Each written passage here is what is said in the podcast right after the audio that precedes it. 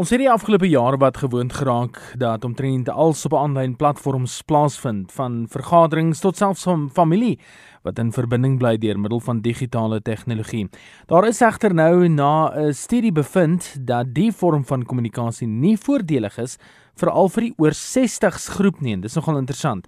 Die Lancaster Universiteit in Engeland het bevind dat mense van die ouderdomsgroep wie se enigste metode van menslike kommunikasie tot aanlyn platforms verminder is, deesdae meer alleen voel as tevore en derhalwe het dit ook 'n negatiewe uitwerking op die menslike siege in die ouderdomsgroep.